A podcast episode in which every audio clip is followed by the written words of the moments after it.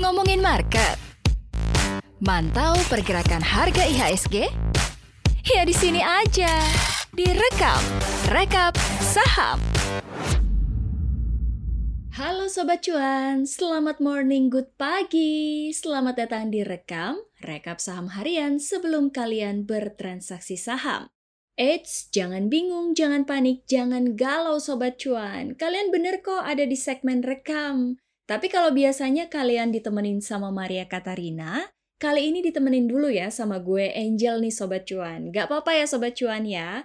Tapi tenang, masih sama kok. Gue juga bakal ngasih asupan-asupan informasi yang bergizi yang bisa jadi nutrisi dan amunisi untuk Sobat Cuan bertransaksi di pagi hari ini. Udah yuk gak usah lama-lama, ini dia sejumlah informasi yang masuk ke dalam radar rekam hari ini. Sobat Cuan, meski IHSG ini belum mampu tembus ke level psikologis 6100, tapi bisa bikin akhir pekan kemarin jadi lumayan ceria gitu ya Sobat Cuan ya. Karena pada perdagangan Jumat kemarin, IHSG ini ditutup dengan apresiasi 0,44% ke level 6094. Yeay! Semoga aja bisa segera tembus 6200 atau bahkan 6500 gitu ya Sobat Cuan ya. Berharap kan boleh ya Sobat Cuan, kali aja terkabul gitu kan ya. Amin gak? Amin dong Sobat Cuan. Ya, walaupun ya data perdagangan ini mencatat nilai transaksi Jumat kemarin kembali turun menjadi 11,4 triliun rupiah. Terpantau, investor asing ini kembali melakukan pembelian bersih atau net buy sebesar 344 miliar rupiah di pasar reguler. Asing tercatat melakukan pembelian di saham PT Bank Jago Tbk atau ARTO sebesar 44 miliar rupiah dan PT Bank Rakyat Indonesia Tbk atau BBRI 132 miliar rupiah. Siapa yang punya sahamnya nih? Ayo, ayo, ada yang udah cuan belum? Nah tuh, ada yang udah senyum-senyum tuh sobat cuan tuh. Next!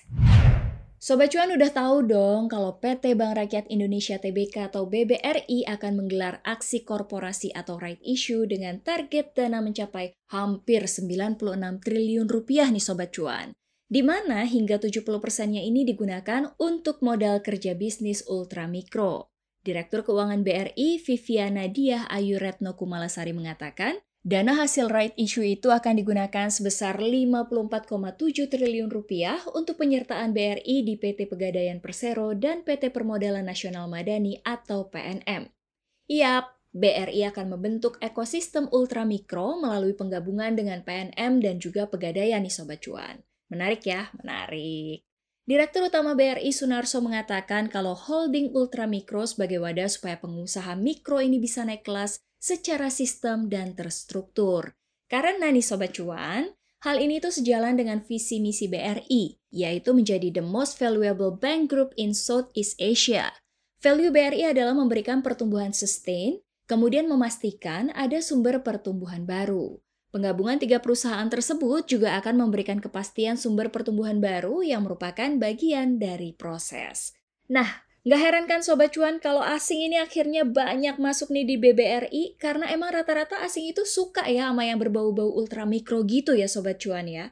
Jadi gimana nih Sobat Cuan? Masih mau pantau-pantau dulu? Atau jangan-jangan udah ada yang nyicil beli nih? Ayo ngaku. Next!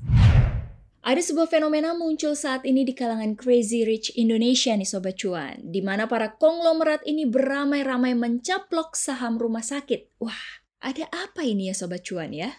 Nih, misalnya nih ya Sobat Cuan, ada emiten PT Elang Mahkota Teknologi TBK atau MTEK milik keluarga Sariat Maja.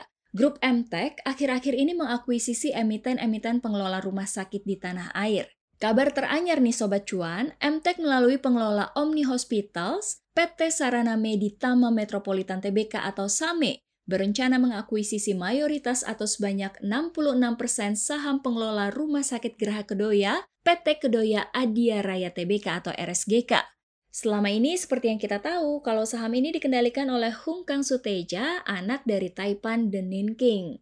Nah, tapi nggak cuma itu aja nih Sobat Cuan. Kemudian juga ada lagi nih emiten pengelola Rumah Sakit Mayapada yang dimiliki Taipan Dato Sri Tahir, PT Sejahtera Raya Anugerah Jaya Tbk atau SRAJ, emiten pengelola Rumah Sakit Mitra Keluarga, milik pendiri PT Kalbe Farma Tbk atau KLBF, Bunjamin Setiawan, PT Mitra Keluarga Karya Sehat Tbk atau MIKA.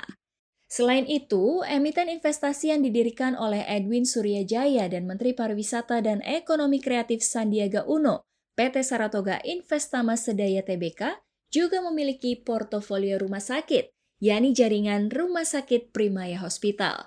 Primaya Hospital sendiri berada di bawah Awal Bros Group Hospital yang dimiliki oleh pengusaha Arfan Awaludin. Emang ya Sobat Cuan, kalau dilihat-lihat tuh prospek bisnis rumah sakit di tanah air sekarang ini memang terbilang menjanjikan. Hal ini tentu saja ditopang oleh dukungan dana dan komitmen pemerintah. Masih tingginya kasus COVID-19 sampai potensi pertumbuhan ekosistem kesehatan digital yang ya cukup menjanjikan gitu ya Sobat Cuan ya. Jadi gimana nih Sobat Cuan? Tertarikkah untuk melirik saham-saham rumah sakit juga? Kali aja lo bisa ketularan jadi the next crazy rich Indonesia gitu ya Sobat Cuan ya. next! Ya, mau gimana lagi ya Sobat Cuan? Pandemi COVID-19 kan emang masih terus menghantui nih ya. Hal ini pun juga berdampak pada sektor retail di tanah air. Salah satu perusahaan yang terdampak adalah PT Ramayana Lestari Sentosa Tbk atau RALS. Di tahun 2021 aja udah ada 19 toko yang ditutup akibat pandemi dan emang gak memadai gitu Sobat Cuan ya. Sebelumnya di tahun 2020 udah ada 13 toko yang ditutup. Jadi saat ini itu toko yang dimiliki oleh Ramayana sebanyak 102 toko, ditambah dengan ada 4 gerai yang dibuka. Salah satu alasan penutupan toko adalah pandemi COVID-19 yang memicu pembatasan-pembatasan operasional pusat perbelanjaan. Alasan lainnya adalah daya beli masyarakat yang anjlok akibat banyak sektor industri yang turun hingga peningkatan jumlah pengangguran. Nah, terus gimana nih ya Sobat Cuan ya dengan semester 2 di tahun ini? Menurut Corporate Secretary Rals Setiadi Surya, tidak ada rencana penutupan gerai pada semester kedua di tahun ini. Kinerja toko juga akan dievaluasi secara berkala, terutama pada pos biaya yang tidak produktif atau merugi. Rals juga akan berupaya mempertahankan gerai yang ada karena pandemi ini bersifat sementara sehingga penjualan akan membaik. Lebih lanjut, Setiadi mengatakan belanja modal Rals pada tahun ini hanya 32,5 miliar rupiah karena tidak akan melakukan pembelanjaan besar. Selain itu, perusahaan memproyeksikan penjualan bisa naik nih antara 10-12% pada tahun ini. Ya, kita doakan saja Sobat Cuan ya. Semoga penjualan RALS ini bisa sesuai dengan harapan dan proyeksinya bisa meningkat gitu ya Sobat Cuan. Dan juga pandemi COVID ini segera go away gitu ya. Jadi kita bisa lagi nih beraktivitas seperti biasa ya kan Sobat Cuan. Tanpa khawatir akan COVID, penularan, penyebaran, dan lain sebagainya. Amin gak Sobat Cuan? Amin. Caranya itu gampang banget. Sobat Cuan harus tetap terapkan protokol kesehatan. Masker jangan lupa, cuci tangan, jaga jarak, jauhi kerumunan. Oke deh Sobat Cuan, segitu dulu ya informasi yang bisa gue kasih hari ini untuk Sobat Cuan. Semoga bisa menginspirasi kalian dalam meracik portofolio supaya bisa cuan berlipat-lipat nih. Amin. Sobat Cuan jangan lupa ya untuk dengerin rekap saham atau rekam setiap hari Senin sampai Jumat jam 8 pagi di podcast Cuap Cuap Cuan yang bisa kalian dengerin di Spotify, Apple Podcast, dan juga Google Podcast. Kemudian jangan lupa nih untuk follow Instagram kita di @cuap underscore cuan dan subscribe YouTube channel kita di Cuap Cuap Cuan. Oke deh Sobat Cuan, segitu dulu. Angel pamit. Bye!